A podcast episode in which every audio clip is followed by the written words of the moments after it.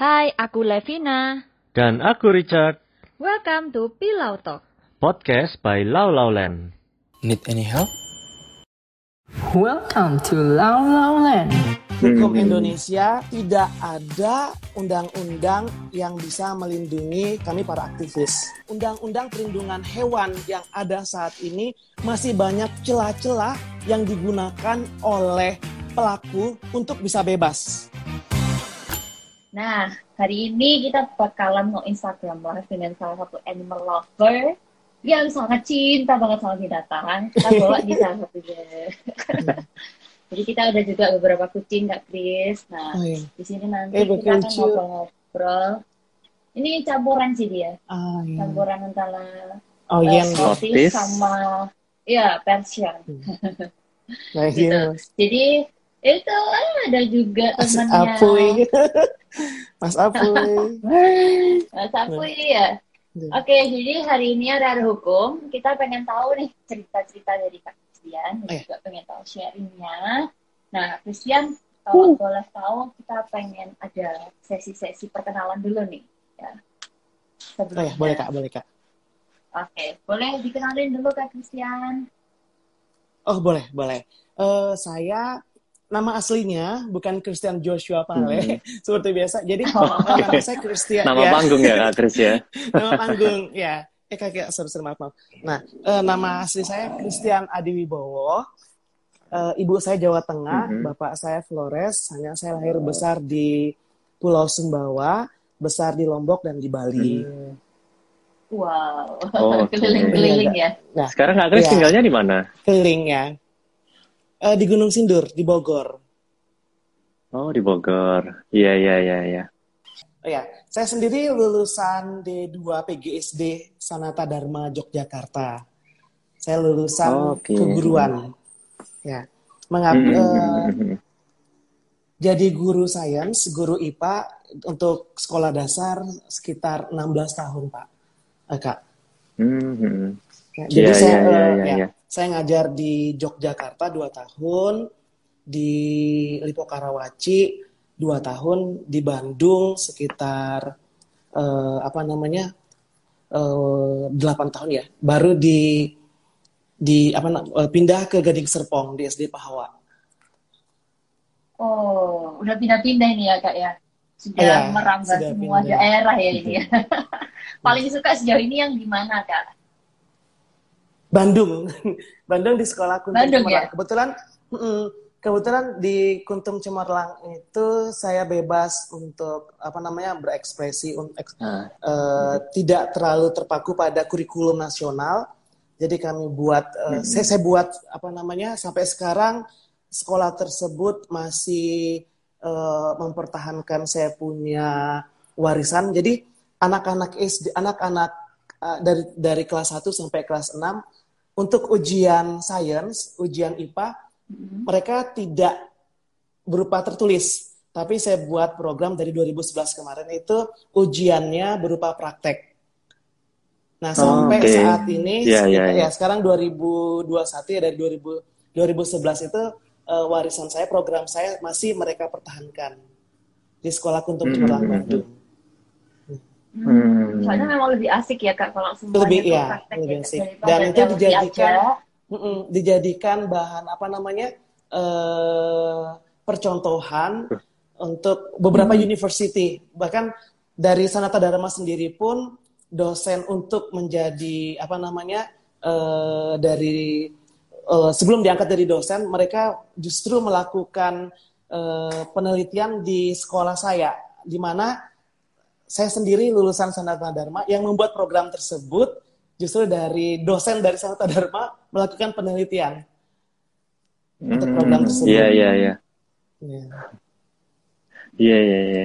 Ini kucing yang satunya nih, warnanya eh, abu-abu. Eh, kalau boleh tahu nih ya Kak. Kan Kak Kris kan latar belakangnya dari pendidikan nih ya, eh, perguruan ya. perguruan. Mm-mm. Kok tiba-tiba ya. bisa merambah ke animal nih?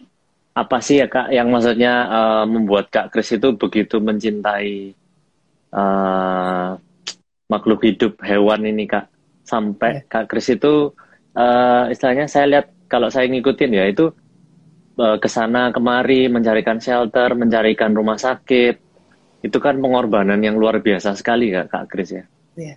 Sebenarnya ada benang merah juga sih antara eh, dulu profesi saya sebagai guru sains dengan eh, apa namanya profesi yang kalau saya bilang yang saya tekuni saat ini. Karena eh, ada banyak program-program saya ketika saya jadi guru sains itu yang berhubungan dengan animals. Eh, di Pahoa di dari Bandung saya sudah buat saya pernah buat dengan murid-murid saya tuh ini animal lovers jadi uh, mu- uh, siswa-siswa siswa-siswi yang suka sama hewan kumpul jadi satu untuk uh, mata uh, ekstrakurikuler. Nah, di situ mereka menceritakan jadi cara merawat, cara apa namanya uh, menyayangi hewan-hewan. Jadi banyak sekali yang mereka bawa. Ta- Tapi uh, anjing mereka tidak bawa karena sebagian ada yang beberapa yang uh, apa namanya yang tidak boleh karena najis. Nah, dari situ dari tahun 2006 itu saya buat. Bahkan sampai ular mereka bawa ular tikus kecil. Tikus apa namanya eh, ti- tikus tikusnya bukan tikus putih tapi tikus Jepang yang ukuran kecil. Eh, bukan bukan hamster beda.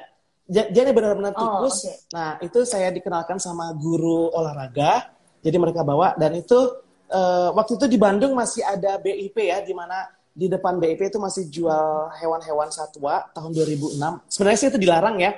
Dari situ saya belajar juga bahwa ada beberapa hewan yang dilindungi tidak perlu eh, apa namanya tidak boleh dijual. Tapi karena waktu itu di BIP tahun 2006 marak bahkan eh, mereka jualan tuh dekat pos pol- polsek polisi. Waktu itu masih bebas. Nah di situ eh, ular itu juga saya jadi di laboratorium saya guru IPA jadi punya laboratorium sendiri untuk anak-anak. Nah di situ ada banyak saya pelihara reptil dibawa dikasih disumbangkan oleh guru guru olahraga reptil ada hamster ada ada tikus tikus Jepang. Jadi beda banget ukurannya dengan tikus putih. Tikus Jepang ini jauh lebih kecil. Nah jauh lebih kecil. Jadi situ Oh, senang iya, iya. anak-anak murid-murid saya senang. Itu di Bandung. Nah kemudian di Pahwa eh, apa namanya? Pahwa sekolah Pahwa punyanya Summer Econ di Gading Serpong. Itu kembali lagi saya buat eh, dengan murid-murid saya. Jadi ber, ber- ber- berkala berganti-gantian.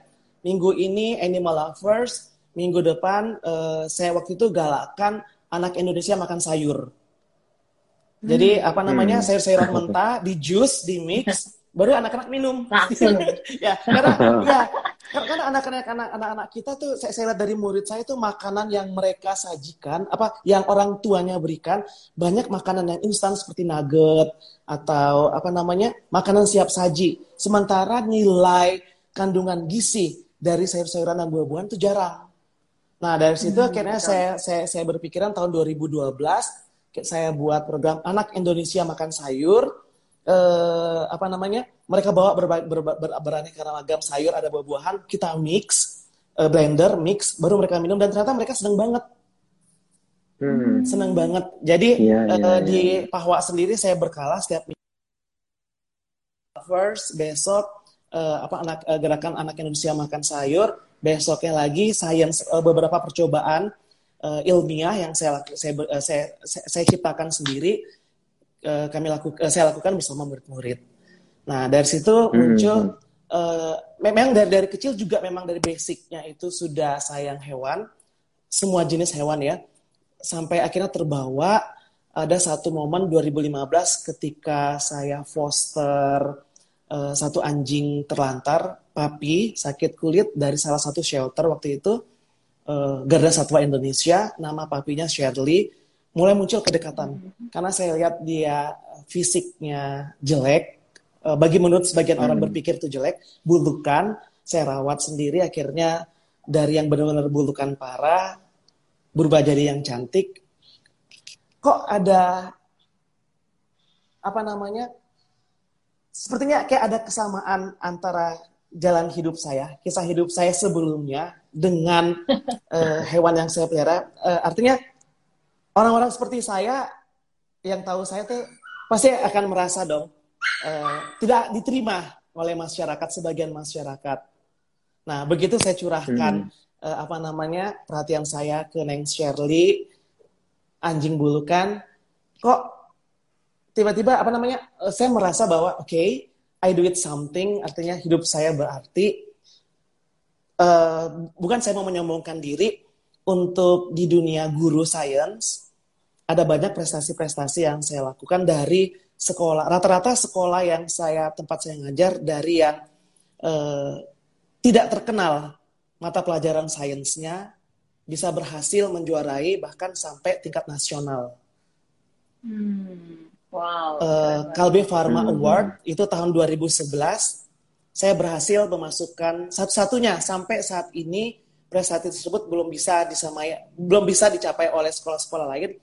Saya berhasil eh, meloloskan dua finalis murid saya di junior eh, Kalbe Junior Scientist Award KJSA yang diadakan oleh PT Kalbe Pharma itu baru eh, sekolahan saya Kuntum Cemerlang yang berhasil dalam satu kompetisi itu menu, apa namanya eh, menurunkan berhasil lolos dua murid saya dua dua percobaan yang saya buat. Nah dan itu juga saya Hmm. dari juara satu sampai juara empat ada enam enam enam enam enam enam enam enam enam juara juara satu sampai juara enam. Nah juara satu dua tiga empat itu murid saya.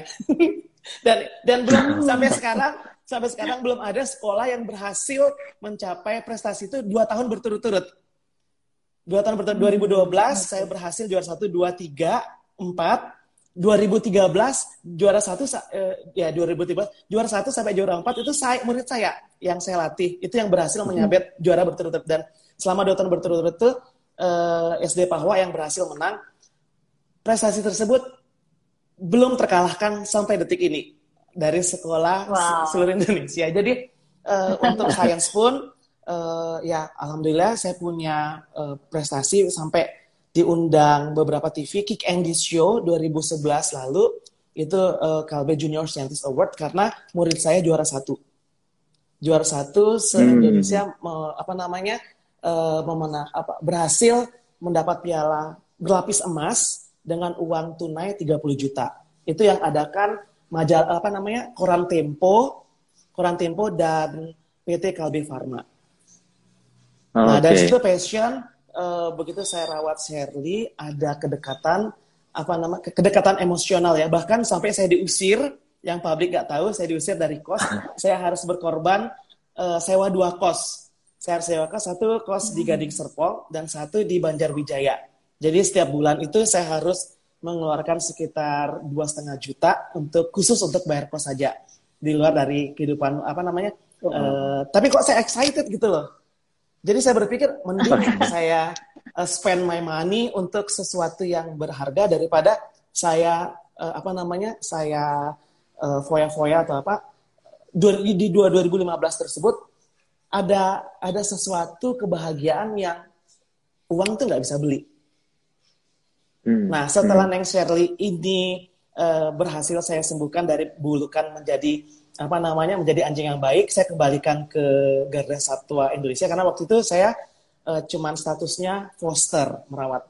Dan kemudian baru bulan Hmm, April 2015 saya dapat satu kasus lagi eh, Bang Prolo, salah satu anjing kesayangan saya, anjing yang pertama, eh, saya anggap itu anak sulung saya, itu Oktober, dia terkena distemper. Dan sekali lagi, kisah hidupnya Oh, Prolo ini distemper. hampir sama seperti saya. Jadi dia ini dibuang sama ownernya yang orang Tiongkok asli, eh, guru Mandarin di salah satu is- sekolah di eh, Jakarta Barat. Dia dibuang. Jadi nggak disuka sama ownernya ini karena Bang Prolo ini suka berantem sama anjing kesayangannya dia, kesayangannya mereka. Jadi Bang Prolo ini setia banget. Dia nunggu dengan hidung eh, apa namanya? Aduh saya mau nangis. Nih, ingusnya hijau. Saya ternyata dia kena distemper Oke. Virus mematikan. Nah, di situ persis banget setelah saya eh sebelum eh, pada saat saya rescue Bang Prolo, saya terkena hepatitis A dan saya dikucilkan Wow. sama teman-teman guru. Hmm. Jadi seharusnya di ruang saya itu di bawah, saya dikasih di lantai tiga. Di lantai tiga SD bawah di Hmm. laboratorium itu saya masih ingat. Jadi mereka nggak mau pegang, padahal saya kena hepatitis A. Nah pas banget kok saya masih ingat ke apa namanya Adi Dinata, eh, Adi Dinata dia hubungi saya, ini ada anjing, aduh kok begitu lihat kasusnya, dengar kasusnya dan saya langsung ke TKP, kok ada kemiripan dengan saya punya kisah hidup yang baru saja dikucilkan ya karena gara-gara terkena hepatitis A. Nah, akhirnya dari kedekatan situ saya rawat Bang Prolo dari eh, apa namanya dari dia sekarat kena virus distemper sampai 18 hari eh, apa namanya dirawat di klinik hewan akhirnya dia sembuh. Nah dari situ kedekatan saya menyekah hidungnya eh, apa me- membersihkan ingusnya, membersihkan belekannya, muntahannya sampai dia apa namanya sampai maaf pup-pupnya itu saya bersihkan. Di situ muncul ada kedekatan seperti oke kamu bukan anjing tapi kamu anakku. Saya mungkin tidak bisa melahirkan kamu, tetapi kamu, saya bisa eh, merawat kamu melebihi dari ibu kandung kamu, induk kandung kamu. Dari situ eh, apa namanya? eh, saya rawat Bang Prolo 2015 sampai tahun lalu dia meninggal. Hmm, Bahagia. Iya. Artinya ada Bahagia. sesuatu. Bahagia. Saya melakukan sesuatu yang Pencapaian. ya, saya melakukan sesuatu yang bukan hanya berarti buat hidup saya, bukan bukan hanya membahagiakan saya, tetapi dengan menolong hewan-hewan, saya bisa menerapkan kasih agape yang sesungguhnya. Karena menurut Iya, saya iya, iya, mencintai atau eh, belajar kasih, menerapkan kasih itu bukan hanya harus diberikan ke sesama manusia, tetapi ke semua makhluk akan lebih berharga, akan lebih berarti kalau kita memberikan kasih kepada makhluk hidup yang tidak bisa membalaskan kasihnya, tidak bisa membalas kebaikan kita. Nah, hewan, Hmm. tumbuhan, dan alam sekitar adalah salah satu langkah nyata di mana kita bisa berbuat baik. Tadi ceritanya tuh mengharukan sekali loh Kak Kris sampai Terima kayaknya kasih. aduh menyentuh banget nih. Soalnya kan untuk menerapkan suatu kasih aja di antara keluarga aja kadang nggak nggak bisa yang kasih Ya, agape kan. Sedangkan ini Kak Kris bisa menunjukkan kasih agape ini kepada uh, hewan dan juga tumbuhan dan sekitarnya. Nah kalau misalnya kita boleh tahu sedikit ya, ya Kak Kris kayak perlu bantuan animal communicator atau memang sudah terkoneksi secara uh, otomatis ya Kak ya? Ya, untuk eh, apa namanya kedekatan bonding dengan eh, anjing mungkin karena saya ter- orangnya sentimental ya. Jadi kadang juga itu apa namanya? Ya, jadi bumerang sendiri buat saya ya. Contohnya misalnya sudah ketemu salah sa- ketemu anjing reskian atau laporan yang kondisinya apa namanya? Ya, kondisinya tuh memang susah untuk diobati atau susah untuk diselamatkan. Jatuhnya tuh jadi karena saya tidak bisa karena saya tidak siap untuk menerima kenyataan. Jadi kadang saya menyalahkan diri sendiri atau menyalahkan dari menyalahkan diri sendiri jadinya menyalahkan lingkungan. Menyalahkan apa namanya eh, eh, orang lain gitu loh untuk yang kasus-kasus contohnya kasus yang berat eh, kekerasan terhadap hewan Hmm. ada ketika tidak berhasil nyawanya diselamatkan karena memang sudah parah, ada rasa penyesalan, ada rasa menyalahi diri sendiri, eh, akhirnya berujung pada konflik dengan orang lain. Nah, hal-hal ini Hmm. mungkin yang bagi saya ini terlalu apa namanya, yang mungkin memang harus saya bersikap logis dan harus menyingkirkan perasaan seperti ini ya, karena itu juga tidak bagus buat psikologi saya. Nah, ini juga eh, yang pelan-pelan saya belajar untuk lebih legowo, lebih terima kenyataan. Hmm. Nah, ini Ya, benar, benar, benar. saya. Hmm, hmm, hmm. Terus Kak Kris, eh, kayak kita tahu ya di Indonesia sendiri ini kan eh, saudara-saudara kita ini kan juga masih banyak yang kekurangan. Mm-mm, Pernah betul. nggak sih ada ada beberapa pihak kok, eh, maksudnya mungkin dari saudara Kak Kris sendiri, Mm-mm. eh, mungkin sedikit kalau kita ngomong julid ya, Iya, iya. dia pasti ngomong eh, sesamamu aja masih banyak yang membutuhkan Iya, kamu kok repot-repot nulisin binatang. sampai detik Sampai ini. hari ini. Sampai kalau terutama mm, ter- ter- terutama pernyataan ini muncul atau sering dikeluarkan oleh para pelaku kekerasan terhadap hewan dan juga para pelaku pemakan daging anjing untuk membantah ngapain mesti harus repot-repot terus anjing. Lah anjing kan memang layak atau memang kebiasaan dimakan. Nah, hal-hal ini paradigma seperti ini yang ingin kami luruskan. Nah, mungkin di sini saya bisa eh, sedikit memberikan tanggapan saya. Kenapa kami harus membantu anjing atau membantu hewan? Kenapa tidak fokus mengurus manusia saja? Toh sampai saat ini manusia tuh eh, sesama kita tuh masih eh, banyak masyarakat banyak. yang, eh, yang yang kekurangan yang membutuhkan bantuan. Nah, sebenarnya simple. Perbedaan anjing dengan manusia sangat besar. Manusia diberikan akal pikiran, diberikan tenaga organ tubuh yang lengkap, dan bisa menggunakan organ tubuhnya ini untuk mencari atau bekerja keras mencari makan. Manusia sakit, dia bisa berbicara. Dia bisa mengeluarkan unuk-unuknya. Saya sakit ini. Saya sakit itu otomatis bisa segera diobati. Tetapi kalau hewan, Hmm. sejahat apa pun manusia menyakitinya, sebesar apa pun penderitaan yang mereka alami, mereka tidak bisa speak up. Mereka tidak bisa mengeluh. Mereka tidak bisa berlari menyelamatkan diri dari manusia yang jahat sama mereka. Kalau tidak ada manusia lain yang fokus atau atau concern terhadap masalah ini, mau sampai mana Indonesia eh, apa namanya me- mengamalkan animal welfare? Susah. Saat ini aja sudah banyak eh, artinya muncul rescue-rescue baru untuk melakukan penyelamatan terhadap hewan, tetapi tingkat kekerasan terhadap hewan kenapa tidak berkurang? Justru makin bertambah. Ya kan? Hmm. Nah, oleh karena itu eh, kalau saya kalau saya dapat eh, apa namanya serangan-serangan dari eh, haters atau dari para pelaku pela- pelaku pemakan daging anjing atau pelaku kekerasan hewan terhadap pernyataan ini, gampang. Manusia bisa bicara ketika dia sakit. Manusia ketika lapar bisa berusaha, bisa bekerja, bisa melakukan apa eh, apa saja untuk mendapatkan makanan mengisi perutnya yang lapar anjing, kucing, serta hewan yang lain ketika mendapat eh, perlakuan kasar, perlakuan kejam dari manusia, mereka tidak bisa bicara. Mereka tidak bisa menyuarakan penderitaannya, mereka tidak bisa protes kepada manusia yang melakukan kekerasan terhadap mereka. Anjing, kucing hanya bisa pasrah. Kenapa mereka pasrah? Karena mereka adalah makhluk hidup hewan yang setia kepada manusia. Selama seumur hidupnya, mereka akan menyerahkan, mengorbankan dirinya untuk menemani manusia, untuk menghibur manusia. Tetapi manusia tidak akan bisa mempertahankan atau merawat hewan peliharaannya seumur hidup hewan tersebut. Ketika manusia bosan, banyak yang dibuang. Ketika manusia Hmm.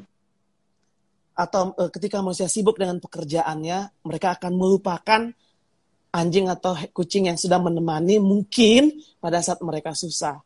Nah, jadi eh, kalau saya ya jelas manusia eh, jujur untuk manusianya pun saya selalu membantu. Seperti kayak waktu gempa bumi di Lombok, kami eh, saya tiga kali datang ke Lombok untuk memberikan bantuan.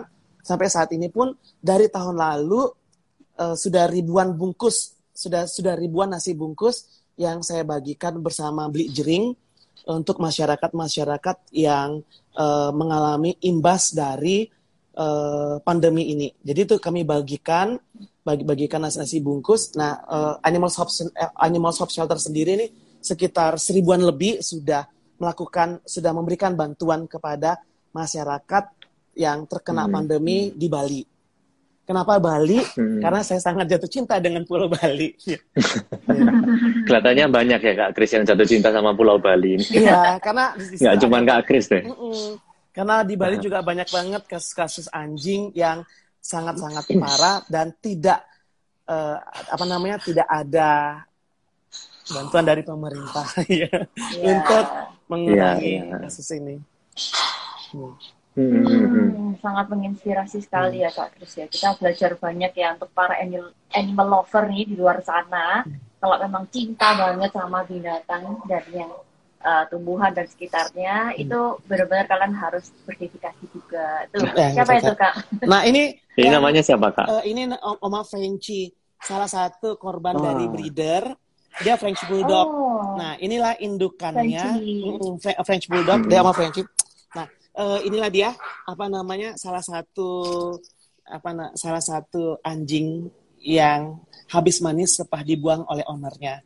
Jadi dia ini korban breeder, diternakan, eh, diternakan Ses- sesudah tua tidak bisa lagi menghasilkan uang, sudah tidak bisa dijadikan mesin uang, pabrik uang oleh ownernya, dibuang di bak sampah. Dan ini sudah dua Oh, tahun ya dengan saya. Satu sa- satu temennya meninggal karena tumor. Satu temennya meninggal karena Hmm. tumor. Dan sisa dia. Ya, dan dia manja. Dan dia sudah buta. Dia buta dan dia. Buta, dia tidak bisa ya. Dia tidak bisa melihat dan dia tidak bisa mendengar. Hmm.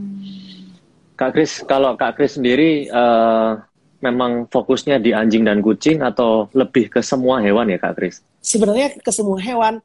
Eh, 2018 lalu saya ada bongkar, bukan, saya ada membebaskan, menyelamatkan beruang madu. Beruang madu yang dipelihara oleh masyarakat, dibawa dari Sumatera. Akhirnya karena eh, di- terus di, eh, apa dipelihara ketika besar eh, pemiliknya kewalahan dan akhirnya hanya dimasukkan hanya di dimasukkan ke dalam kandang kecil dan diletakkan di bak sampah. Nah, ini eh, di sini juga saya bongkar kasus apa namanya penjualan satwa yang dilindungi. Jadi begitu saya dapat laporan, saya minta pelapornya jangan kamu publish. Jangan kamu publish. Di situ saya- langsung saya melakukan investigasi. Saya kontak Hmm. apa namanya yang posting di Facebook, saya menyamar sebagai pembeli. Nah, akhirnya sudah didapat eh, apa nama eh, alamatnya di di Kemayoran. Nah, sama sama penjualnya ini saya di, diminta untuk ketemu di Mangga Besar. Saya ketemu di Mangga Besar, tapi saya menggunakan kamera eh, apa namanya eh, spy cam, Tersembunyi. kamera, kamera tersembunyi. Spy cam. Nah, jadi ketemu Hmm. di Mangga Besar, saya dari Mangga Besar saya dibawa ke Kemayoran. Nah, di Kemayoran tersebut, di Kemayoran ternyata masuk lagi ke perkampungan-perkampungan. Eh, postingannya, postingannya masih ada di Instagram saya, di timeline saya. Nah, di situ akhirnya eh, eh, apa namanya? Saya sembunyi dan untung penjualnya ini dia tidak tahu kalau saya live saat itu. Jadi ini membantu Wow. saya untuk mengetahui Hmm. lokasinya. Lokasinya di mana. Hmm. Nah, Hmm. eh, pembeli apa penjualnya ini dia kemakan eh, saya punya omongan dan saya minta dia kamu tolong hapus postingan kamu di Facebook karena itu bisa di apa namanya kamu bisa ditangkap sama polisi dan dia ikuti omongan saya dia hapus postingannya otomatis dia hanya komunikasi dengan saya. Nah itu komunikasi dengan WA dan saya bekerja sama dengan BKSDA Jakarta. BKSDA Oh, Jakarta iya. Utara. Nah itu eh, apa namanya susun rencana. Akhirnya eh, apa namanya terjadilah transaksi. Dari sini akhirnya saya eh, dari sini pelapor eh, penjual satwa liar ini dia menggiring saya masuk ke kasus yang lebih besar di mana ada dua harimau yang dilindungi dipelihara di warga di di tengah pemukiman warga. Dan itu eh, ditutupi dengan apa namanya pabrik tahu. Penyamarannya dilakukan dengan di depannya itu eh, jadi di apa dibuat pabrik tahu jadi kita tidak bisa masuk. Nah untung saya pegang saya rekam semuanya harimaunya ada dua. Saya langsung laporkan ke BKSDA karena yang saya hadapi ini jenderal aparat Oh. yang saya hadapi. Jadi eh, Iya, saya iya, juga iya. saya juga harus eh, apa namanya membela, tetapi saya harus me- menyadari eh, batas kemampuan saya seperti apa.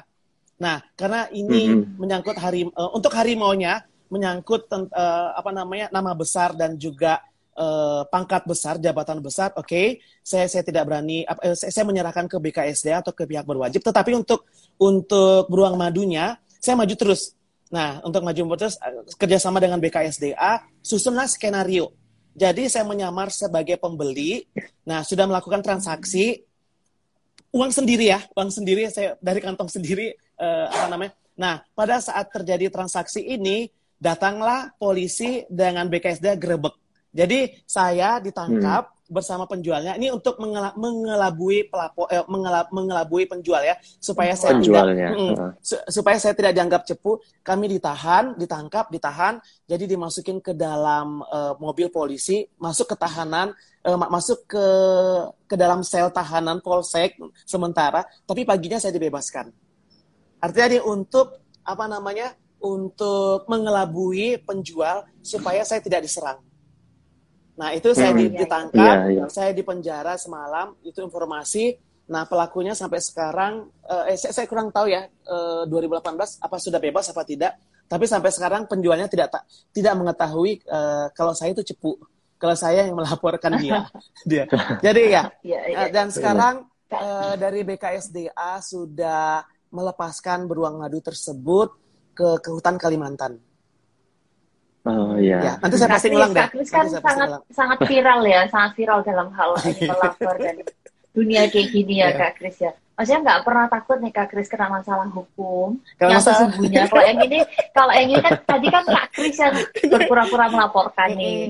kalau masalah hukum sesungguhnya tuh pernah ada pengalaman nggak ya Kak Kris? Kalau pengalaman ada, kalau rasa takut sebenarnya ada, pasti ada, pasti. Dan dan saya sudah prediksi pasti karena karena jujur mohon maaf mulut saya nggak bisa dikontrol apalagi kalau sudah marah Apa- apalagi sudah menyangkut menyangkut apa nak menyangkut anak kaki empat eh, pasti eh, Ah. saya saya nggak bisa mengontrol mulut saya untuk melawan para haters haters dan Iya, itu iya, ya iya. nah dan eh, untuk dari 2017 saya sudah prediksi eh saya sudah eh, apa namanya eh, saya sudah bayangkan pasti suatu saat saya akan di penjara. Eh ternyata benar Januari di penjara. Januari 2021 ya Kak ya? Ah, Empat bulan di penjara. Jadi ya memang Oh, sudah, sudah, nih Kak. eh, sudah saya prediksi sih pasti pasti suatu saat saya akan di penjara. Eh ternyata benar prediksi saya. Benar banget gitu loh. Jadi ah itu deh pengalaman yang apa namanya ya sek- sekaligus kasus saya ini membuka mata bahwa tidak ada undang-undang yang bisa melindungi aktivis seperti saya. Tidak ada. Hmm, betul. Dan yang belum mirisnya mm-mm, di kasus saya ini ternyata memang hukum di Indonesia ini memang hukum eh, masih masuk kategori hukum rimba ya. Jadi siapa yang berduit, mm-mm, siapa yang berduit, Iya, iya. dia yang berkuasa. Yang Iya. salah Iya, iya, bisa iya. jadi benar, yang Yang benar bisa benar jadi, jadi salah. salah. Yang salah selama dia punya uang, oke, hukum bisa kamu beli dan bisa kamu kontrol. Tapi mereka lupa. Nah, selama saya di penjara kemarin tuh ya bukan hanya eh, apa namanya, eh, ya sayang sayang, bukan hanya badan saya di penjara, tetapi saya itu sampai berkali-kali loh penyidiknya. Ini yang ini, ini kasus saya ini lucu banget. Jadi eh, ke- ke- Hmm. kenapa sampai detik ini pun saya mengatakan bahwa kasus saya ini saya korban kriminalisasi. Kenapa? Karena dari awal saya ditangkap tidak ada surat apa nanti tidak ada surat klarifikasi pertama, panggilan pertama, panggilan kedua itu tidak ada. 11 Januari malam jam setengah delapan penyidiknya datang, langsung saya dikasih surat penahanan. Langsung dikasih surat Hmm, penahanan. iya, tidak iya, ada iya. klarifikasi satu, klarifikasi dua. Padahal, Oh. mohon maaf, lukanya cuma seiprit. Sementara saya ini eh, di Semarang tahun lalu saya dapat lima jahitan dikeroyok oleh para pemakan daging anjing. Saya buat laporan ditolak. Padahal saya sudah ada Oh, saya sudah bawa Iya. barang bukti, saya sudah bawa video pemukulan, eh, pengeroyokan saya, pemukulan saya, terus saya bawa hasil visum, tapi ditolak oleh pol, pol, polresnya. Dan tapi eh, yang lucunya eh, kasus saya itu padahal dia luka seiprit di sini, saya diminta 250 juta supaya bebas. Penyidiknya meminta saya 150 juta supaya saya bebas. Artinya apa? Ini mereka mau menegakkan keadilan atau memeras saya atau mendapat cuan dengan cara yang mudah. Jadi kan lucu gitu loh. mm-mm. Ini, ini sangat aneh dan kasusnya pun jelas. Saya di sini korban, saya dicaci maki, saya diludahi, saya dipukul, bahkan eh, barang bukti baju hasil ba- barang bu- ba- barang bukti baju saya yang robek hasil pe- hasil dipukul atau diserang oleh pelapor tidak digubris oleh penyidik. Dengan bangganya Hmm. penyidik dengan bangganya penyidik mengatakan ke saya, kamu sudah kalah telak 1-0. Ibarat apa namanya? Ibarat pertandingan sepak bola, kamu kalah karena kamu tidak membuat laporan balik. Bagaimana saya bisa Hmm. bagaimana saya bisa melakukan laporan balik sementara setelah kasus saya dipukul itu saya lari ke rumah sakit Karolus Gading Serpong, masih ada rekam medisnya. Saya harus di ICU karena eh, jantung saya kambuh. Hmm. Nah, bagaimana saya mau Iya, membuat iya, iya. laporan? Sementara saya sendiri korban, saya sendiri harus dilarikan ke ICU karena jantung saya kambuh. Nah, tetapi pihak penyidik dia tidak menggubris. Bahkan dengan santainya, saya masih ingat penyidik ini bernama Surya. Saya diajak di sofa pada saat saya malam malam saya ditangkap. Kamu harus sediakan uang 150 juta kalau kamu mau bebas. Itu kata-katanya. Mm-mm. Jadi kan Mm-mm. saya saya bingung eh, kasus eh, aparat aparat kepolisian ini eh, fungsinya apa sih? Menegakkan keadilan Mm-mm. atau Mendapat keuntungan. iya mendapat keuntungan gitu loh dari kasus ini. Maka itu eh, lawyer saya yang dahulu eh, kasus saya itu dilaporkan ke Propam. Dilaporkan ke Hmm, Propam. Terus gimana Kak Grace? Eh, sampai sekarang saya belum dap- eh, belum dapat kabar ya eh, kelanjutannya dan Oh, eh, pelapor saya pun kami serang balik dengan melakukan apa namanya dengan eh, laporan pencemaran nama, pe- pencemaran nama baik undang-undang ITE. Nah, yang lucunya di persidangan eh, ini ini baru baru, ba- ba- baru baru akhirnya ada media yang mau em, apa namanya me- me- eh, menanyakan kasus ini. Nah, justru di eh, di persidangan di persidangan saksi korban saksi yang dibawa korban, saksi yang melihat kejadian justru menyatakan bahwa pelapor yang memprovokasi saya mem- mem- memprovokasi saya untuk saya melakukan perlawanan. Nah, dari saksi korbannya Oke. sendiri loh di persidangan mengatakan bahwa eh, benar bahwa pelapor ini yang melakukan provokasi. Nah, di situ saya diludahin, saya dihina. Istrinya juga menghina saya, saya dikatakan rescuer gembel, meminta-minta donasi, saya diludahin, saya dikatakan eh, maaf orientasi seksual saya juga di apa namanya orientasi oriente- orientasi seksual saya juga diserang dikatakan saya banci homo homo burik homo apa dan di situ eh, dia ludahin muka saya dia ludahin muka saya dan dia duluan yang mukul tetapi justru dia yang eh, dinyatakan sebagai korban kan lucu hanya luka lecet loh kak nah sementara saya ini Mm-mm. lima jahitan di Semarang saya lapor polisi, polisinya tidak mau bertindak, tidak mau menerima laporan saya. Jadi kan, nah inilah hukum Hmm. Indonesia sekali lagi tidak ada undang-undang yang bisa melindungi saya, eh, kami para aktivis. Tidak Hmm, ada. hmm, hmm, hmm. Justru eh, undang-undang undang-undang undang-undang perlindungan hewan yang ada saat ini masih banyak celah-celah yang digunakan oleh pelaku untuk bisa bebas. Tidak ada spesifik undang-undang perlindungan untuk anjing dan kucing. Maka inilah eh, ada beberapa kasus kami setelah saya bekerja sama dengan Bang Albert sebagai eh, kuasa hukum saya, Bang Albert Riyadi. Nah dari situlah eh, apa namanya eh, mulai kami berhasil eh, menahan langsung memenjarakan para pelaku kekerasan terhadap hewan.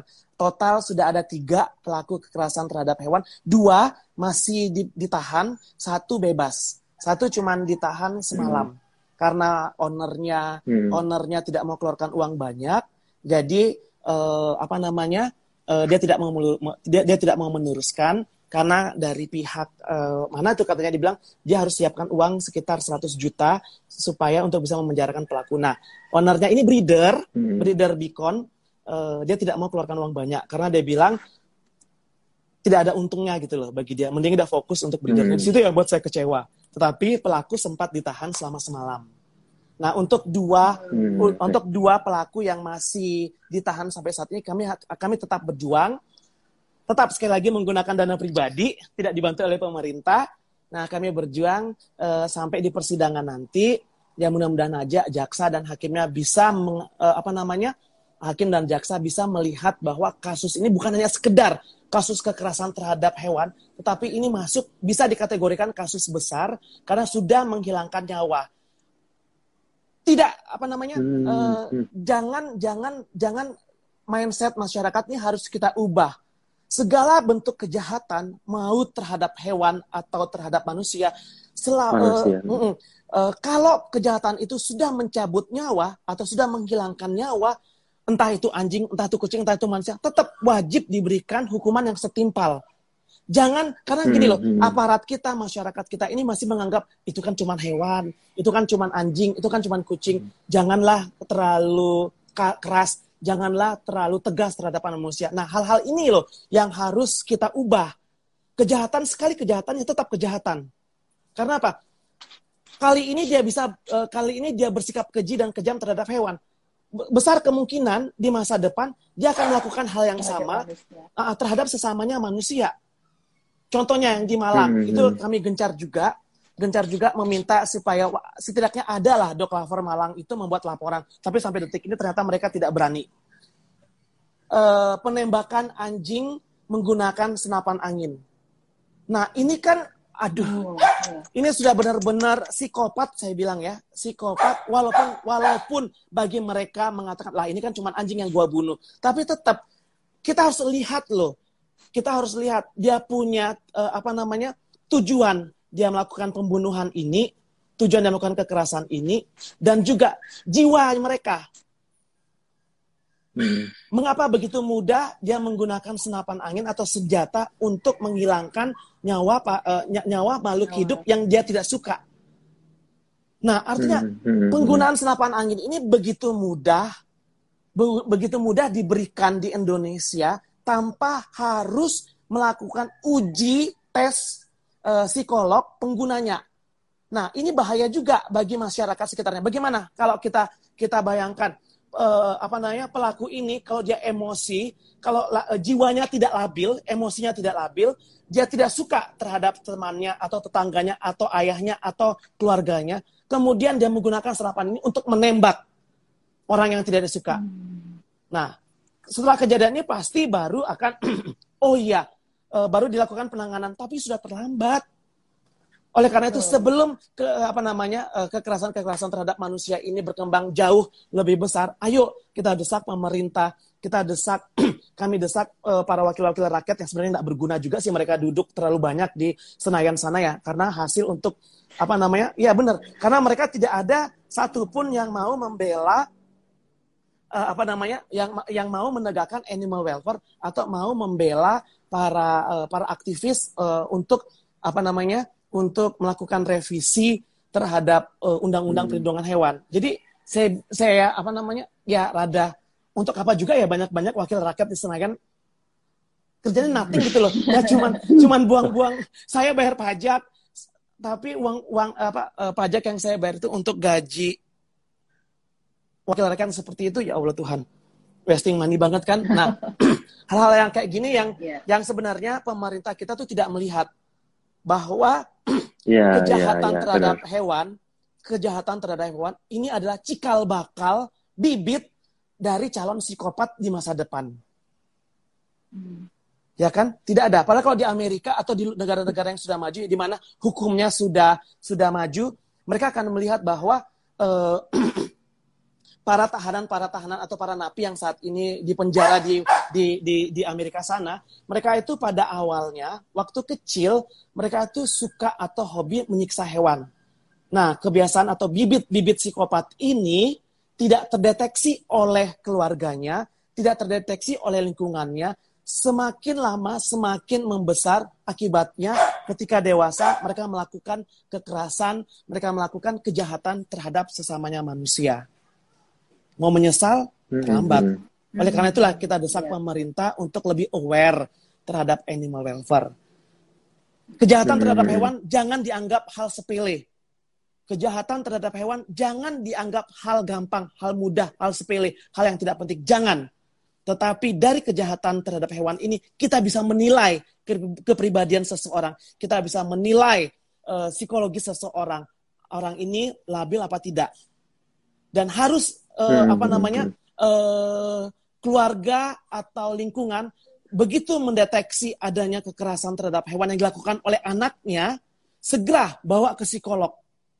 Segera eh, apa namanya diberikan eh, apa namanya diberikan eh, nasihat bahwa apa yang Bimbingan dilakukan itu salah. psikologi ya. Ah, bimbingan psikologi Hmm. benar benar benar harus dilakukan bimbingan psikologi supaya apa? Supaya kejahatannya ini tidak berkembang menjadi kejahatan yang bisa merugikan, yang bisa Yang lebih membahayakan, besar. yang lebih besar membahayakan nyawa eh, manusia lainnya. Bersama. Nah, mm-mm, oleh karena Hmm. itulah gini, eh, untuk hal ini eh, eh, saya pernah posting dari 2017 meminta supaya pemerintah atau menteri pendidikan kita segera membuat kurikulum berbasis eh, apa welas asih berbasis eh, cinta lingkungan, cinta makhluk hidup eh, di sekolah-sekolah dasar supaya anak-anak didik anak-anak didik kita, anak-anak murid kita di apa namanya di masa akan datang itu punya rasa welas asih bukan hanya Ya, cinta kepada sesama manusia, tetapi juga punya rasa cinta dan empati kepada hewan, kepada lingkungan hidup, kepada lingkungan alam. Artinya apa?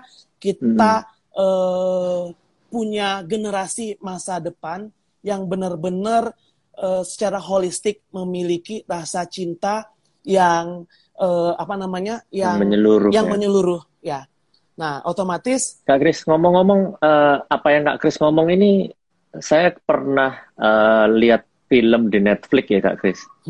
Itu judulnya Don't F with the Cats. Mungkin Kak Oh. Kris pernah nonton ya? belum belum belum belum Kak. Jadi Saya baru dengar. itu ceritanya ada ada orang dia membunuh kucing dengan cara divakum. Nah, Jadi anak-anak anak-anak kucingnya itu divakum. Terus ada animal warfare ini yang udah mulai protes-protes tapi kembali lagi sama penegak hukum. iya benar. Mereka cuma dianggap ini cuma animal. Iya. Dan benar kejadiannya sekitar 1-2 tahun kemudian orang ini mulai membunuh manusia. Nah. Jadi dan ini based on true story loh Kak Kris. Jadi apa yang Kak Kris cerita ini kayak benar-benar "Uh, kok ya kok ya benar juga ya.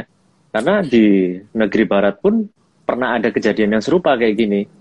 Nah. Luka Magnota tuh benar. lu kamu- Nah, jadi Itu sadis banget sih. lucunya di negara kita, eh, mohon maaf ya, baru bertindak setelah kejadian. Iya. ya kan di negara kita nih coba bencana alam pun bencana alam pun eh, kita tidak prepare bagaimana menghadapi bencana tetapi setelah bencana baru pemerintah bertindak baru melakukan program-program nah sama kejahatan terhadap Hmm. hewan ini pun tunggu ada kejadian yang skala besar mungkin membunuh puluhan atau ratusan orang oleh satu pelaku baru pemerintah mau baru ba- ba- ba- baru pemerintah kita mau bertindak padahal sekarang sudah ada Hmm. aware loh contohnya kak yang Hmm. satu satu anak eh, anak remaja perempuan yang di Kalideres kalau nggak salah ya, yang dia membunuh eh, anak tetangganya dengan cara menyekap di apa di dalam lemari. Nah itu saya sudah curiga pada pada saat kasus-kasusnya saya sudah curiga anak ini pasti waktu kecil dia suka melakukan eh, suka melakukan kekerasan terhadap hewan. Ternyata berapa hari kemudian baru terbukti setelah dilakukan oleh psikolog untuk eh, apa namanya mengetahui eh, psikis dari anak dari pelaku ini baru diketahui ternyata pengakuan dari pelaku ini eh, pe- pengakuan dari remaja ini dari kecil dia suka men- menyakiti hewan suka menyakiti hewan peliharaannya suka eh, suka apa namanya me- me- melakukan kekerasan terhadap kucing nah otomatis hal ini sekolah juga harus punya peranan keluarga punya peranan sudah pasti. Semua kembali lagi ke keluarga dan lingkungan. Tetapi sekolah juga punya peranan bagaimana membentuk karakter muridnya. Maka itulah kita butuh eh, Menteri Pendidikan kita harus segera membuat kurikulum berbasis cinta terhadap hewan, cinta terhadap lingkungan Hmm. supaya Hmm. generasi kita ini punya wawasan, punya mindset bahwa menyakiti hewan sama juga menyakiti ciptaan Tuhan, ya kan? Betul, betul, betul, Kris. Terus ngomong-ngomong ya Kak Kris, kalau di Indonesia ini kan sebenarnya lebih ke mengikuti kiblat dari negara lain. Ya. Nah, kita yang tahu sendiri di negara barat pun, itu kan perlindungan terhadap hewan itu kan belum sebegitunya.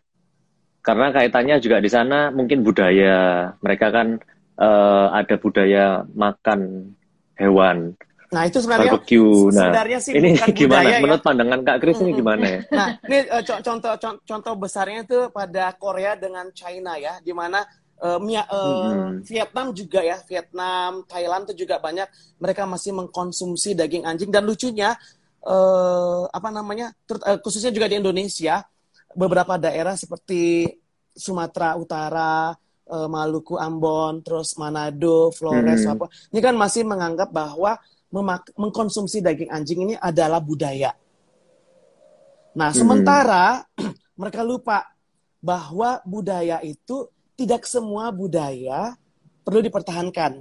Ada budaya yang harus Hmm. mengikuti perkembangan zaman, yang harus disesuaikan dengan apa namanya eh, perkembangan zaman.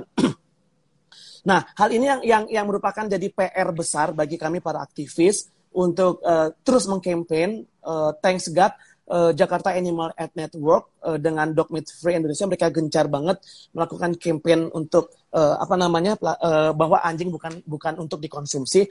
Nah, Hmm. mereka ini cuman menjadikan alasan untuk memenuhi kepuasan mereka punya eh, ambisi terhadap kesukaan terhadap untuk untuk memenuhi eh, keinginan dari lidah mereka lidah dan perut mereka akhirnya mereka membuat sebuah pernyataan bahwa ini adalah kebudayaan padahal bukan loh ini bukan sebuah kebudayaan tetapi ini eh, merupakan kekerasan terhadap hewan kebiasaan buruk yang bukan hanya merugikan kesehatannya, tetapi juga bisa mengancam nyawa masyarakat lain yang bukan pemakan daging anjing. Kenapa? Kita harus ketahui bahwa eh, proses sebelum makanan ini, sebelum eh, daging anjing ini masuk ke dalam mulut mereka, ada melalui beberapa tahap proses. Nah, yang tidak mereka ketahui bahwa dari mana sumber anjing-anjing ini? Dari mana anjing-anjing ini berasal? Sehatkah mereka? Layakkah mereka untuk dikonsumsi? Tidak. Rata-rata anjing curian yang dijadikan untuk makanan, untuk dikonsumsi terutama untuk di daerah Solo, di da- daerah Jawa Tengah, ini merupakan anjing yang tidak jelas kesehatan mereka. Tidak jelas keberadaan asal usulnya mereka dari apa. Artinya apa? Ini membuka peluang, membuka potensi penyebaran rabies antar satu kota ke kota lain semakin besar. Kalau pemerintah tidak segera bertindak untuk menutup nih eh, apa namanya Hmm. perdagangan anjing antar kota, antar pulau, ke depannya, aduh, kita bisa bayangkan bagaimana wabah rabies akan menyerang manusianya. Ujung-ujungnya anjing lagi yang disalahkan. Anjing yang sehat karena banyak manusia yang kena rabies dibunuh, dieliminasi. Nah, sebelum kejadian, pemerintah mingkem, pemerintah diem, pemerintah tidak mau mengambil tindakan konkret yang nyata, dibiarkan. Apakah karena karena eh, jujur ya, di Solo sendiri peredaran daging anjing ini cuannya gede. Ada sekitar satu miliar lebih Oh ya. perputaran uang. Wow. Perputaran uang. Ini ya makanya ya walaupun Heeh, heeh. kami sudah minta, mohon maaf kalau saya keras, kami sudah meminta dari zaman Jokowi jadi gubernur Solo sampai beliau jadi gubernur Jakarta sampai sekarang jadi presiden Solo loh, Solo loh, kota kelahiran beliau tidak ada eh, tidak ada langkah konkret yang dilakukan oleh Bapak Jokowi untuk menghentikan perdagangan daging anjing. Mohon maaf untuk para penggemarnya Pak Jokowi, tetapi saya bicara fakta. Saya bicara eh, apa yang ada di lapangan. Diskusi. Nah, kita diskusi. Jadi ini tidak ada, justru di Solo ini makin barbar gitu loh. Makin bar, makin Hmm, kar- karena hmm, mereka menganggap ini sebagai budaya hello, ini bukan budaya. Budaya pun kita bisa pilih Iya, iya, mana iya, iya. budaya yang harus kita pertahankan dan mana budaya yang harus kita tinggalkan. Nah, hal-hal Hmm, ini yang hmm, yang hmm, ya hmm. kita anggap gini deh, eh, Kak. Generasi tua yang saat ini mereka tidak bisa diubah mindsetnya, atau juga mereka akan mati dan akan diganti oleh generasi baru. Nah, generasi baru inilah yang harus kita terus edukasi, yang harus kita didik, harus kita nasihati bahwa daging anjing bukan untuk dikonsumsi. Anjing kucing sahabat manusia yang paling setia. Mau cari mau cari Hmm. teman yang paling setia, mau cari teman yang tidak akan meninggalkan kalian ketika kalian susah, mau cari teman yang tidak akan mengkhianati kalian, bertemanlah dengan anjing dan kucing. Jangan berteman dengan manusia. Ya kan, Kak? Nah, ya itu jadi karena makanya, kan banyak dibilang juga, Iya. banyak dibilang kalau anjing dan kucing adalah human's best friend. Itu udah Uh-uh. best friend forever lah Dan- ya, dan- ya, iya. karena memang Kalau- mereka akan menemani. Benar. Mau cari mau cari mau cari teman yang setia yang tidak akan menikung, mau cari teman yang tidak akan mengkhianati kalian, mau cari teman yang tidak akan meninggalkan kalian ketika dalam, kalian dalam susah, bertemanlah dengan anjing atau kucing. Mereka akan menemani Hmm. kalian sampai akhir hayat mereka. Sampai nafas terakhir mereka, mereka tidak akan mau meninggalkan kalian. Itulah, itulah kenapa saya eh, mungkin lebih eh, sudah sudah mengarah ke gila ya, eh, membela mereka sampai mati-matian. Iya, Iya, ini, iya. ini bukan mengarah ke gila sih kak, tapi ini eh, merupakan suatu gerakan ya, gebrakan Iya. untuk anak-anak muda di mana susah banget gitu. dengan adanya dengan Hmm. adanya Kak Kris ya yang eh, berinisiatif untuk membuat campaign ataupun gebrakan ini, kita akan bisa membuka anak-anak muda ini untuk lebih cinta kepada hewan maupun lingkungan. Tidak Ya. hanya cinta kepada manusia aja, tapi juga cinta kepada hewan. Ya. Karena kalau Itulah misalnya nggak ada yang ini ya memicu, Iya, betul Kak. betul, Hmm. nggak ada yang memicu ataupun tidak ada orang yang melakukan eh, apa sih namanya permulaan. Mm-mm. Nah, nggak ada yang memulai nih kak, ya Iya. nggak akan pernah bergerak. Betul. Di mana kita cuma bisa berharap bahwa dengan adanya campaign, adanya edukasi, Hmm. maka pemerintah bisa melihat, mendengar, dan juga mengkonkretkan, ya kan kak, Betul, Kak. apa sih yang bisa dilakukan untuk menyelamatkan ataupun untuk eh, membuat peraturan mengenai hewan ini.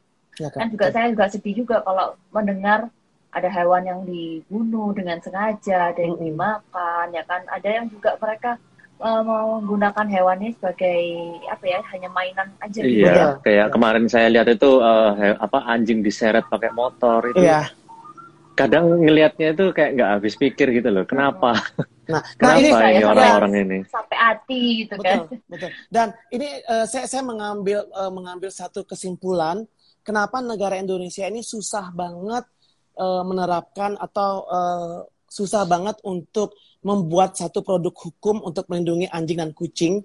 Tidak seperti negara-negara luar seperti Inggris atau Amerika yang jadi kami punya yang yang jadi saya punya apa namanya tolak ukur karena gini Kak kita harus ini, ini ini ini ini masih masih saya punya saya punya apa namanya saya punya pemikiran saya saya punya pandangan kita di Indonesia masyarakatnya belum mencapai kata sepakat belum mencapai kata sepakat bahwa menyiksa anjing atau kucing adalah sebuah kejahatan yang baru speak up Mhm. yang baru teriak yang baru berjuang baru segelintir oknum segelintir kelompok yaitu kami para dog lover, cat lover, atau animal lovers. Baru segelintir kelompok, baru sekelo- eh, apa namanya segelintir kelompok yang baru menyuarakan bahwa menyiksa anjing dan kucing adalah suatu kejahatan.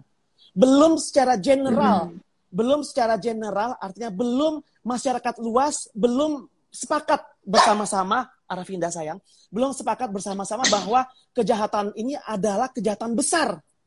Kalau sudah ada kesepakatan bersama seluruh masyarakat Indonesia bahwa menyiksa anjing, menyiksa kucing adalah kejahatan besar, pasti akan mudah uh, jalannya uh, dibuatkan Hmm. sebuah produk perlindungan hewan seperti di Amerika dan di Inggris. Hmm. Nah, oleh karena itulah kami Hmm. ya mungkin ini stepstone toh juga eh, apa namanya eh, umur saya juga mungkin tidak akan panjang atau bagaimanapun pasti akan ada generasi tetapi setidaknya selama saya masih hidup saya bisa eh, saya saya sudah pernah menyuarakan saya pernah mendesak pemerintah untuk eh, apa namanya segera merevisi atau membuat undang-undang yang yang spesifik untuk anjing dan kucing.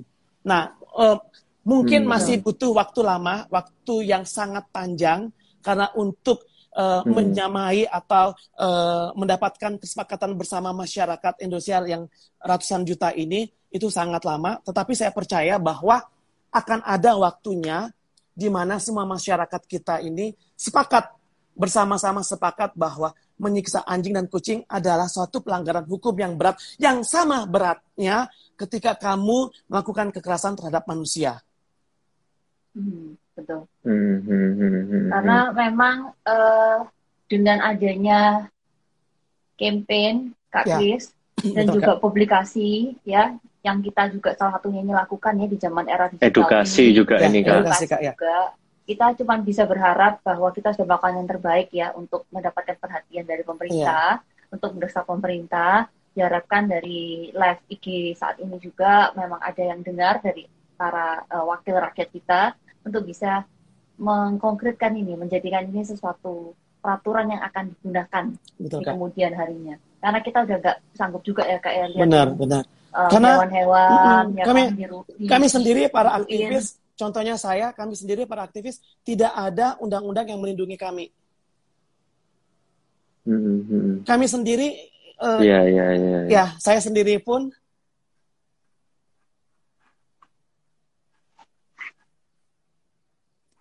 tidak tidak akan bisa lepas dari kriminalisasi, ancaman pembunuhan, ancaman penyiksaan. Hmm. Nah, kami eh, saya sendiri sebagai aktivis pun pasti suatu saat akan apa namanya eh, akan mengalami dis- apa, kriminalisasi lagi gitu loh dari para pelaku kekerasan Hmm. uang. Kan kita tahu sendiri bahwa hukum Indonesia kan masih hukum rimba. You have money, you can Hmm. buy, ya kan? Kamu punya uang, kamu Hmm. bisa membeli membeli hukum. Tetapi ya susah lah. Ya, tapi tapi saya berharap sih suatu saat Indonesia akan maju, Indonesia akan eh, apa namanya eh, akan menjadi sebuah negara di mana bukan hanya bisa memberikan perlindungan kepada warganya manusia, tetapi semua makhluk hidup yang ada, yang tinggal, yang berpijak di bumi Indonesia. Oke. Eh, jadi eh, Kak Kris di sini kita pengen juga biar bisa sama-sama membantu ya nanti Ya kak, supaya betul kak. kita menjadi suara juga ya supaya didengar dari banyak orang. Dan di sini kalau Kak Kris lihat di komen-komen juga banyak banget yang dukung Kak Kris, yang menjadi animal lover juga. Nah, kita akan memberikan support lah Kak Kris. Ya, thank you kak, thank you kak. Uh, dukungan, dukungan yang penuh. Nah, Hmm. dan nggak berasa banget Kak Kris ini sudah berakhir ya habis ini. Eh, aku makasih banget loh, Kak. Live. Topiknya Aduh, topiknya, topiknya tuh menarik banget deh, kayak nggak Menarik berasa. banget. dan eh, Satu jam ini. Hmm, dan memang kayak ini eh, jujur, jujur saja kayak membukakan mata saya, mata partner saya dan mungkin para penonton di sini bahwa kita itu eh, seharusnya bisa saling mencintai apalagi terhadap makhluk yang di bawah kita. Kita itu harus bisa memberikan mereka itu eh, pengayoman. Justru Betul. kita membantu saudara kita yang hewan-hewan ini. Ya. Dan- Jadi nggak cuma membantu sama manusia dan membantu juga sesama hewan dan menjaga lingkungan. Ya. Dan satu hal loh sebenarnya yang eh, masyarakat kita lupakan. Heo anjing, kucing, walaupun banyak dari seba- walaupun sebagian ada yang merasa bahwa anjing ini najis atau apa anjing ini tidak layak untuk dipelihara, ha. kucing kucing tidak layak untuk dipelihara atau apa pun, tapi mereka lupa satu hal. Anjing, kucing, saya, kita manusia ini diciptakan oleh Tuhan. Cara saya untuk berterima kasih kepada Tuhan dengan mencintai, dengan merawat makhluk hidup ciptaannya, eh, ciptaan Tuhan. Nah, artinya apa? Hmm. Hubungan saya dengan yang di atas baik, hubungan saya sejajar dengan eh, manusia atau lingkungan saya eh, apa namanya? eh, selama saya hidup mas, eh, bi- bisa saya curahkan, bisa saya berbagi kasih terhadap mereka dan ini menurut saya merupakan tindakan nyata dari tindakan nyata dari semua umat beragama ketika bisa menerapkan kasih bukan hanya kepada manusia yang bisa membalas kebaikannya tetapi sebuah tantangan bagi kita ketika kita berbuat baik kepada makhluk hidup makhluk hidup lain yang tidak bisa membalas kebaikan kamu dan dan bagi Mhm. saya justru ketika kita bisa melakukan hal ini Tuhan melihat Hmm. Betul. Tuhan melihat dan itu justru Ya. Eh, pahala buat kita yang benar-benar pasti akan kita dapat pahalanya daripada kita berbagi kepada sesama hanya untuk mendapat pujian atau hanya untuk Dan mendapat balasan. ya balasan itu kan saya rasa enggak dia. Iya. Oke, oke. Ya. Ya ampun Kak Kris, Iya. itu sangat menginspirasi banget. Hai. Area Nah. hukum, kalau misalnya kalian memang anim- animal lover juga, bantu Kak Kris untuk uh, bisa mensuarakan dan juga support terus dan dukung terus Kak Kris ya. Bisa langsung follow di Instagramnya Kak Ya, Christian ya. terima kasih Kak, terima kasih Kak. Instagramnya Christian Joshua Pale. Nanti kita bakalan tag dan simpan uh, live IG ini. Dan jangan kapok ya Kak Kris, kita bakal invite nanti next Terima time kasih. lagi. Ya, saya bersyukur Terus banget kalau bisa nanti kita ada kita ada action ya, Hmm. bener-bener yang bisa dukung Ya. dan support secara konkret untuk Kak Kris dan Iya. semuanya. Saya pikir juga ini, Hmm. ini bagus banget kak ya. Artinya supaya tidak ada lagi aktivis seperti saya korban kriminalisasi karena ketika mereka speak up atau mereka berjuang untuk eh, apa namanya memberantas para pelaku kekerasan hewan, ancaman yang kami dapat tuh eh, sangat besar yaitu eh, serangan balik dari para pelaku kekerasan hewan. Mereka menggunakan undang-undang ITE pencemaran nama baik. ITE, Nah, nah benar. sementara mereka hukuman yang mereka dapat para pelaku kekerasan terhadap hewan ini sangat ringan masuk ke dalam tipiring tindakan pidana ringan kalau kita berharap pasal 302 pidana KUHP. Sangat Hmm. sangat sangat tidak Hmm, tidak hmm, tidak membantu. sangat Nah, ah, mereka Tidak cuma sebanding ah, ah, tidak sekali. sebanding. Mereka cuma dapat ancaman tiga bulan, which is itu bisa dibebas.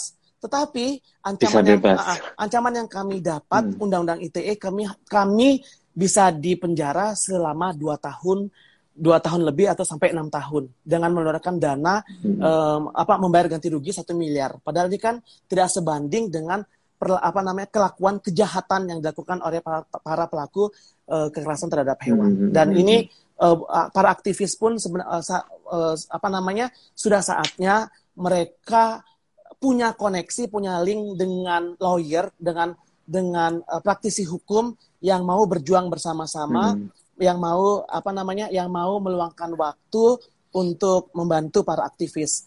Nah, eh, saya, saya bersyukur Mhm. banget eh, kakak-kakak dari Lau Land yang mengerti atau yang ber- ber- bergerak sebagai praktisi hukum eh, punya punya kesadaran dan punya eh, apa namanya punya punya concern terhadap Empati. eh, terhadap Mm. punya empati Mm. terhadap animal welfare ini benar-benar sangat membantu. Benar-benar sangat membantu. Cukup Mm. cukup Mm. saya sendiri yang jadi korban kriminalisasi. Mudah-mudahan tidak ada teman-teman aktivis lain yang menjadi korban karena jujur Yes. penjara itu kebebasan itu benar-benar sangat mahal harganya. Setelah Betul kali di penjara sekali. baru kita sadar bahwa tapi jujur saya di penjara kemarin baru membuka mata saya ternyata perjuangan animal welfare di Indonesia ini sangat berat. Bukan saja saya berhadapan kepada saya saya berhadapan pada pelaku kekerasan hewan, tapi ternyata saya sendiri pun berhadapan dengan aparat hukum. Bayangkan selama empat selama tiga bulan saya di polsek, saya dikejar terus supaya untuk berdamai, supaya saya mengeluarkan uang 150 juta. Jadi saya disik eh, apa namanya penyidik menyuruh tahanan lain untuk menyiksa saya, untuk menyodomi saya, untuk eh, apa namanya membuat saya tidak betah dan akhirnya saya harus mengeluarkan uang 150 juta. Tapi mereka lupa, saya orang gila. Apa pun yang mereka lakukan, saya tidak akan menyerah. Saya Wow, terus akan hebat, hebat, hebat. saya saya akan terus melawan. Dan eh, alhamdulillah keluar dari penjara di mana mereka berharap nama baik saya akan rusak, tapi justru publik semakin eh, apa namanya? eh, saya semakin banyak dapat dukungan dari publik. Jadi ya, Hmm. ya mungkin ya ini ya jalan Tuhan ya. Atau mungkin ya Ya. sudah. Iya, iya. Semua pasti happen for a reason. Ya, benar Kak. Jadi semuanya pasti ada rencana Tuhan. Betul Ke Kak. depan. Betul Kak. Nah, jadi kita hari ini sudah bicara banyak. Ini Kak Kris, kita terima kasih banyak waktunya udah mau sharing sama kita. Hmm. Dan pastinya area-area hukum nanti kalau memang kalian pengen tahu lebih soal Kak Kris, langsung follow aja Instagramnya. Dan juga jangan lupa support Kak Kris. Oke, Makasih thank Kak. you so much Kak Kris. Saya- saya makasih Nanti. Thank you next so time kita much. ngobrol lagi ya. Terima kasih Kak. Terima kasih Kak. Oke, makasih area hukum yang Makasih. udah nonton juga. Jangan lupa kita tonton next live IG kita ya. Oke, bye-bye semua. Bye bye. Bye-bye. Thank Bye bye you, Kak. Kris. Terima kasih. Terima kasih.